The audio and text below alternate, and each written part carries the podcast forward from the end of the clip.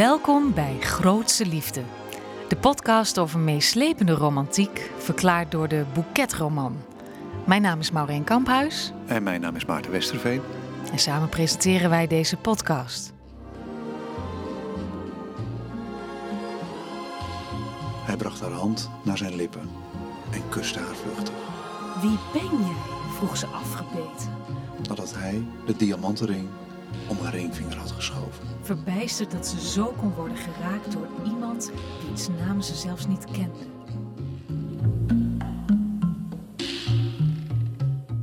Ja, Maarten, deze week uh, hebben we het over uh, Kloof tussen twee werelden.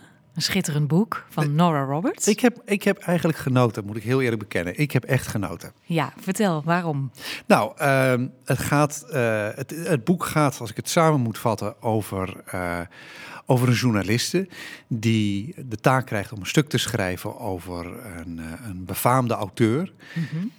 En deze befaamde auteur is heel slecht te vatten. Niemand weet hoe zijn privéleven eruit ziet. Het is een woeste man met, met met een oeuvre dat vol geweld zit en, ja. en, gevaarlijke dingen. Thrillers, hè? Het zijn thrillers. Het zijn thrillers, inderdaad. En, en het is aan haar om, om bij die man door te dringen. Ja, ik vind het leuk dat je ervan genoten hebt. Want uh, de vorige keer was je een klein beetje sceptisch. Een klein beetje. Ik ben een beetje ja. kritisch. Ik had een aantal ja. verbeterpunten, dat was alles. Vrolijk kritisch. Ja, opbouwend. En dit, uh, dit keer heb je eigenlijk een beetje je mening bijgesteld. Dat het, dat het toch wel wat in zat. En uh, wat vond je het meest opvallende uh, aan, deze, ja, aan deze roman. Ik, ik bedoel, de, het zijn twee karakters, weer opnieuw, die elkaar natuurlijk vinden en ook eerst zoeken. Want de, hoe heet zij ook alweer? Uh, zij heet Lee ja. en hij heet Hunter. Lee en Hunter, ja. ja. Ja, en het mooie is natuurlijk, Lee en Hunter zijn niet zomaar samen te brengen. Hè? Want wat mm. jij schrijft ook, of wat jij zegt, uh, Lee moet op zoek naar Hunter in een wild natuurgebied. Want daar hangt hij graag rond. ja, daar schrijft hij ook. Ja. ja. Dat ja. weten we dan nog niet. Nee, dat weten we nog we niet. We weten alleen dat hij een ruige man is die graag buiten is. Klopt. En Lee heeft ook geen idee hè, hoe die eruit ziet. Nee. Dat maakt het natuurlijk ook spannend, want ze, ze gaat uiteindelijk naar die plek toe. En dan weet ze eigenlijk niet wie haar nou komt ophalen en waar ze nou eigenlijk naartoe gaat. Ze stort zich in het diepe. Ja. En wat vond je er nou zo leuk aan? Wat vond je nou het meest opvallende aan deze liefdesrelatie? Nou, om te beginnen, uh, wat aardig is, want uh, het, uh, het boek dat, dat is geschreven door, door een van de grootheden uit het genre, heb ik begrepen. Mm -hmm. Ik ben, haar naam ontschiet me even. Ja, maar Nora Roberts. Ja, Nora Roberts. een grootse. Uh, ja, ik zal het wel even voorlezen. Hier staat haar biografie. Nora Roberts is een van de meest gelezen auteurs ter wereld. Van haar ruim 200 boeken werden al meer dan 500 miljoen exemplaren verkocht. En ze schrijft niet alleen onder deze naam, maar ook onder de naam J.D. Robb. Want daaronder schrijft ze een populaire politieserie over ene Eve Dallas. Nou, is dat niet impressive? Um, daarnaast woont ze met haar man in Maryland. Nou ja, leg jij maar even uit hoe het verhaal uh, in, in elkaar zit. Het begint eigenlijk op de, de, de burelen van de redactie waar uh, Lee werkt. Ja. En um, in het begin gaat het ook. Het, het, gaat het verhaal, gaat de roman ook over het verhalen schrijven en over uh, hoe een verhaal tot stand komt. En vooral over de ontzettend um, opportunistische manier van hoe een verhaal tot stand komt. Er zit een klein beetje kritiek in over hoe de media met auteurs omgaat. Nou, dat is heel grappig. Uh, ja, ja, ook omdat zij zelf voor Celebrity werkt ja. hè, in L.A. Ja. Dus niet echt een literair gevoel. Nee, er zit dus een raar kijkje in een wereld in die, die, die, die authentiek voelt. Ja. Je krijgt het idee dat als uh, Nora schrijft over, over de overwegingen voor, een, voor, voor hè, artikelen, dan heb je het idee dat zij wel weet waar ze over schrijft. Dus dat, dat vond ik heel aardig eigenlijk, om te zien dat, dat in deze, dat we echt even meegenomen worden. Ik Ja. geloofde dat wel echt. Ja. Vervolgens natuurlijk uh, blijkt dat deze hele uh, aankondiging eigenlijk alleen maar een soort excuus is om ons mee te sleuren in een soort verkrachtingsfantasie. Want Mhm. mm -hmm. dat is, dat verklap ik hier alvast maar even, toch wel de rest van het boek. Klopt. Maar het begint verdomd interessant. En uh, er zit ook plezier in. Ik vind het echt leuk. Uh, maar ja, goed, dan op een gegeven moment natuurlijk, ja, dan gaat het verhaal los. En ik geloof dat jij, je hebt Jet toch weer bereid gevonden. Ja. Jet van Boksel. Jet van Boksel, onze voorlezeres en uitmuntend actrice, die gaat nu een scène voorlezen uit Kloof tussen twee werelden. Hij glimlachte. Jij gelooft alleen in wat je kunt waarnemen met je vijf zintuigen, in wat je begrijpt. Hij stond op en trok haar overeind. Niet alles wat bestaat kan worden begrepen. Niet alles wat is begrepen kan worden uitgelegd. Alles moet kunnen worden uitgelegd. Hij liet haar hand nog steeds niet los. Hij beschouwde haar laatste woorden als een uitdaging. En kun je me dan uitleggen waarom je hart sneller klopt wanneer ik een stap naar je toe doe? Zijn donkere ogen blonken mysterieus in het kaarslicht. Je zei dat ik je niet zenuwachtig maakte. Nee, dat doe je ook niet. Maar de ader in je hals klopt wel heel erg snel. Zijn vinger beroerde licht het desbetreffende plekje. Kun je me dan uitleggen waarom ik je wil aanraken? Teder, onbeschrijfelijk teder, streelde hij haar wang. Niet doen, fluisterde ze. Kun jij uitleggen waarom twee mensen die elkaar nauwelijks kennen dit soort aantrekkingskracht voor elkaar kunnen voelen? Nu streek hij met zijn wijsvinger over haar lippen, zich afvragend hoe ze zouden smaken. Iets zachts, iets vloeiends stroomde door haar heen. Um, fysieke aantrekkingskracht is een chemisch proces. Een wetenschappelijke verklaring? Hij bracht haar hand naar zijn lippen en kuste de palm. Haar knieën werden als van was. En is er een formule hiervoor? Terwijl hij haar nog steeds aankeek, gleed hij met zijn mond over haar pols. Op haar huid verscheen kippenvel en hij glimlachte. Heeft dit, en hij drukte een vederlichte kus op de hoek van haar mond, heeft dit met logica te maken? Ik wil niet dat je me op die manier aanraakt.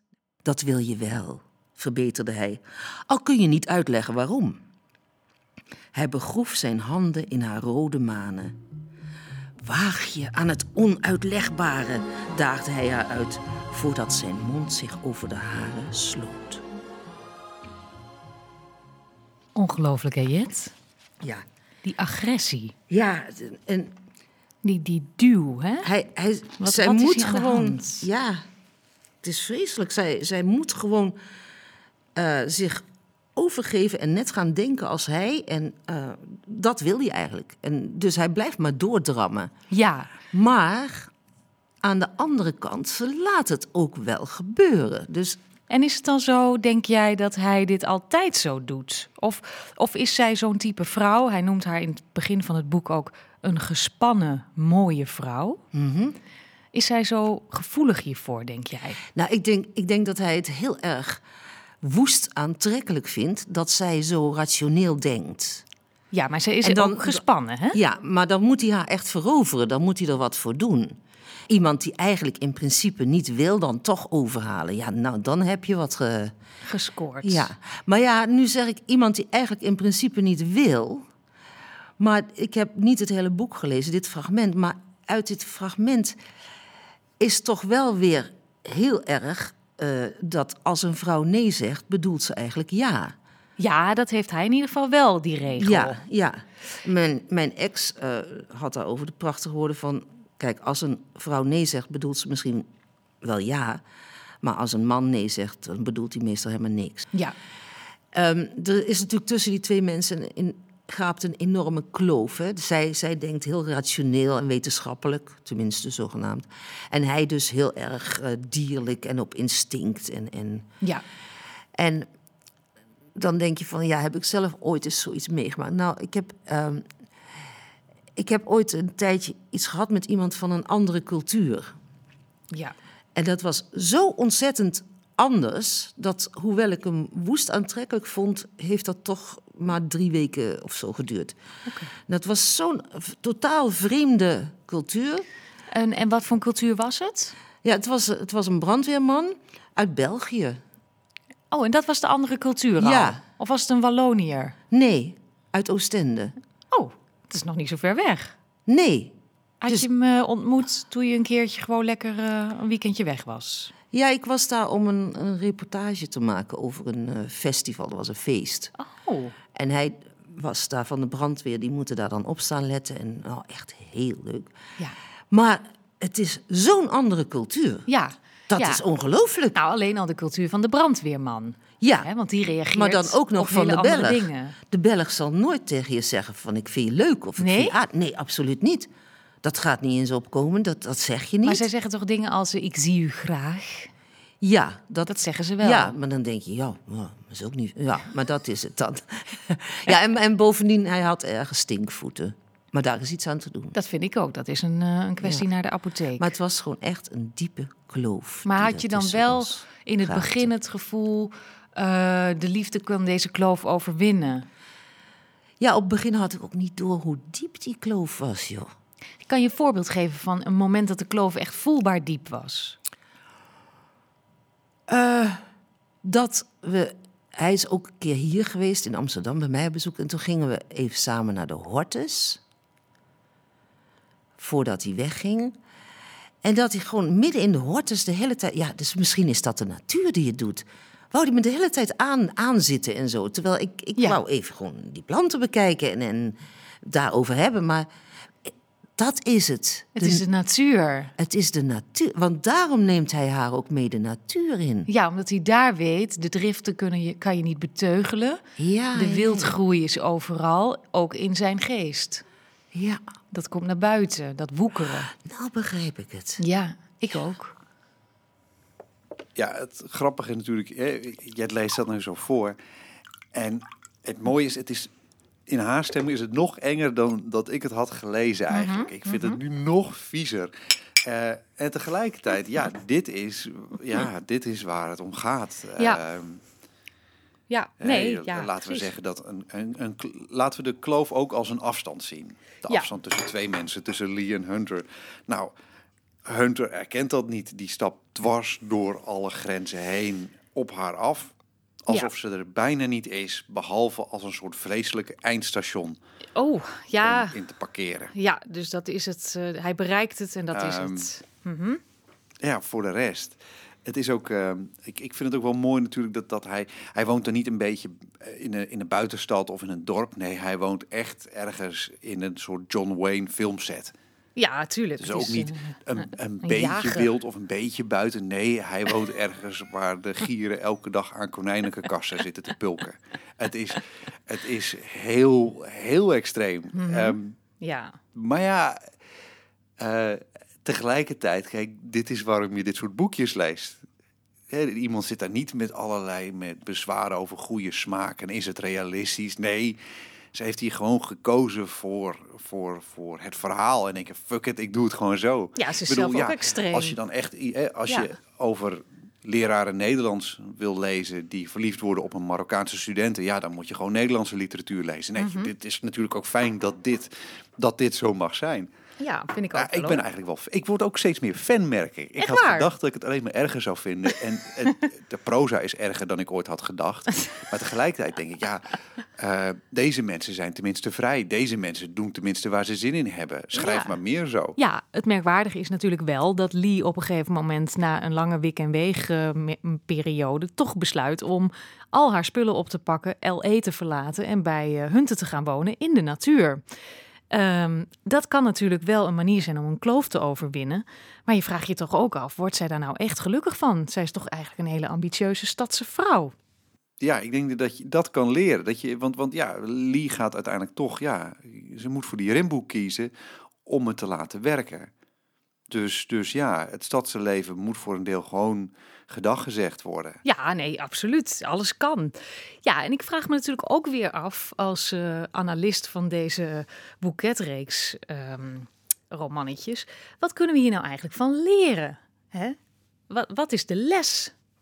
Nou, een aantal dingen. Ik zou zeggen, je kan ervan leren dat, eh, dat je blijkbaar geen man eh, hoeft te zijn om een soort mannenfantasieën te schrijven. Want dat is dit boek toch wel een beetje. Ja, dat is Dus Nora. De, de, de, de stoere, onafhankelijke, woest aantrekkelijke schrijver.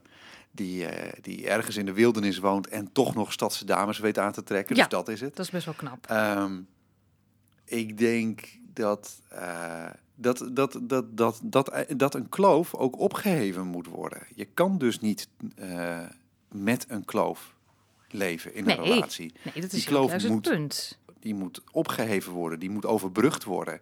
Ja, maar dat is natuurlijk dan ook de liefde.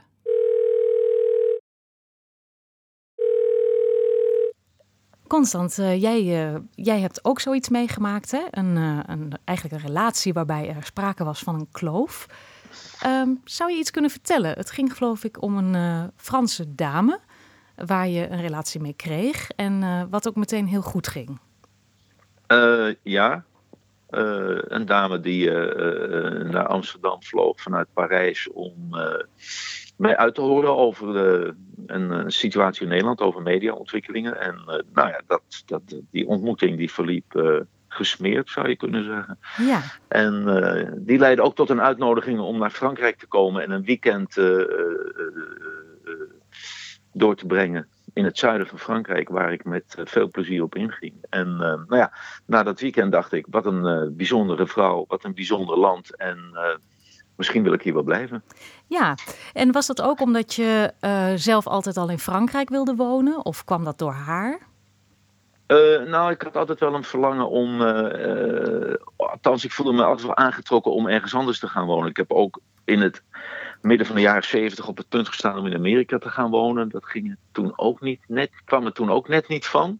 Oh ja. En uh, ik stond ook, uh, was ook uh, op een goed moment in overweging om in Rusland te gaan wonen, waar ik al een paar keer was geweest. Dat leek me ook heel spannend. Wow. Maar uiteindelijk werd het toch Frankrijk waar ik naartoe emigreerde. Ja. En um, was het dan zo dat je dan, toen je daar kwam met haar, neem ik aan, dat het ook echt een beetje een droom was die uitkwam? Had je zoiets van, hé, hè, lekker, nu ben ik er? Nou, aan de ene kant wel, want ik dacht, ja, fijn dat ik hier ben, want ik zit nu in de Pyreneeën, ik heb uitzicht op de bergen, ik woon in de heuvels, ik zit vlak bij de zee, uh, vlak bij de grens met Spanje en uh, al die heerlijke tapa's vlak over de grens. Dus uh, de hemel is op aarde neergedaald. Maar ja.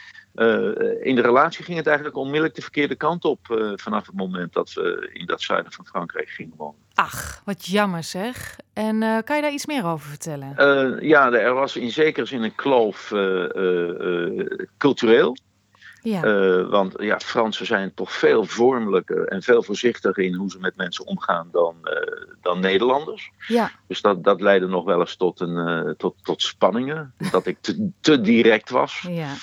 Uh, en, en er ontstond ook een soort kloof in, in de lichamelijke aantrekkingskracht over en weer. Althans, niet van mij naar haar toe, maar wel van haar naar mij toe.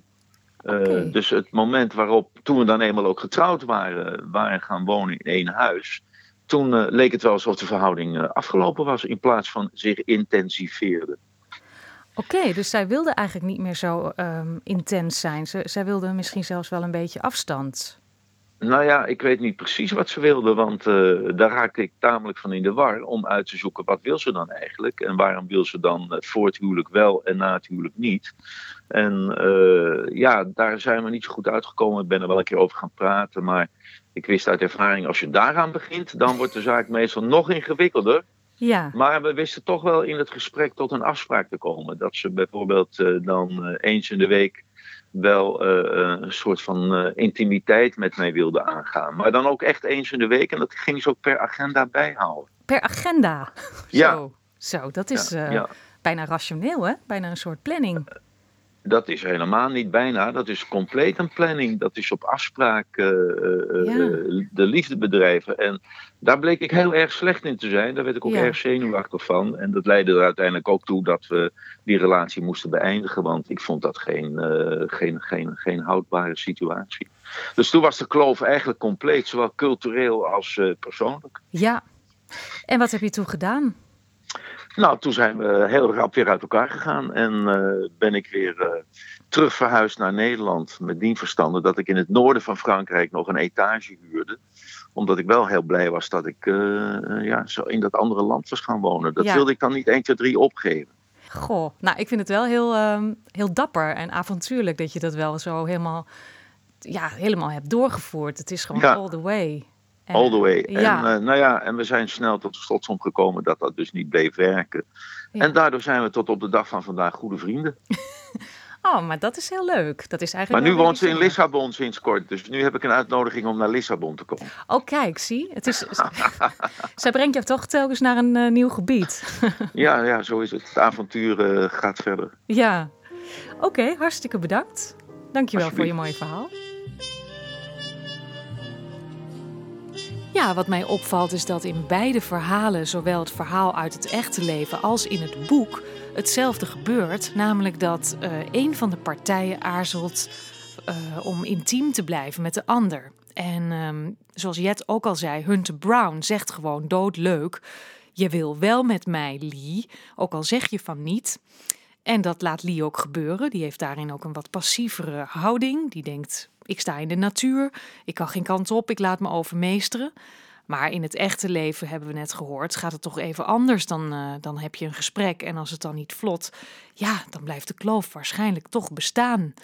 En ik denk dat dat het meest eerlijk is. Maar goed, misschien is de methode van Hunter ook wel een hele goede methode.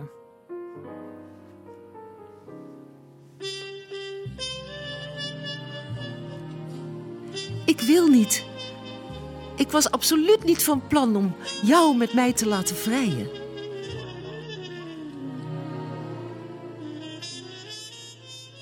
Ik heb deze zin gekozen omdat, omdat ik niet zeker weet of, of onze auteur weet wat ze hier schrijft. Dat vind ik het mooie aan. Ik geloof echt dat ze niet doorheeft hoe eng deze zin is. Ja, deze zin laat natuurlijk zien dat zij het leidend voorwerp is. Zij laat met zich vrijen. En dat geeft natuurlijk aan dat Hunter het bepaalt. En hoe sprekend die voor die hele dynamiek tussen die Hunter en die Lee is. Ik, ik, vind, hem, ik vind hem echt fantastisch.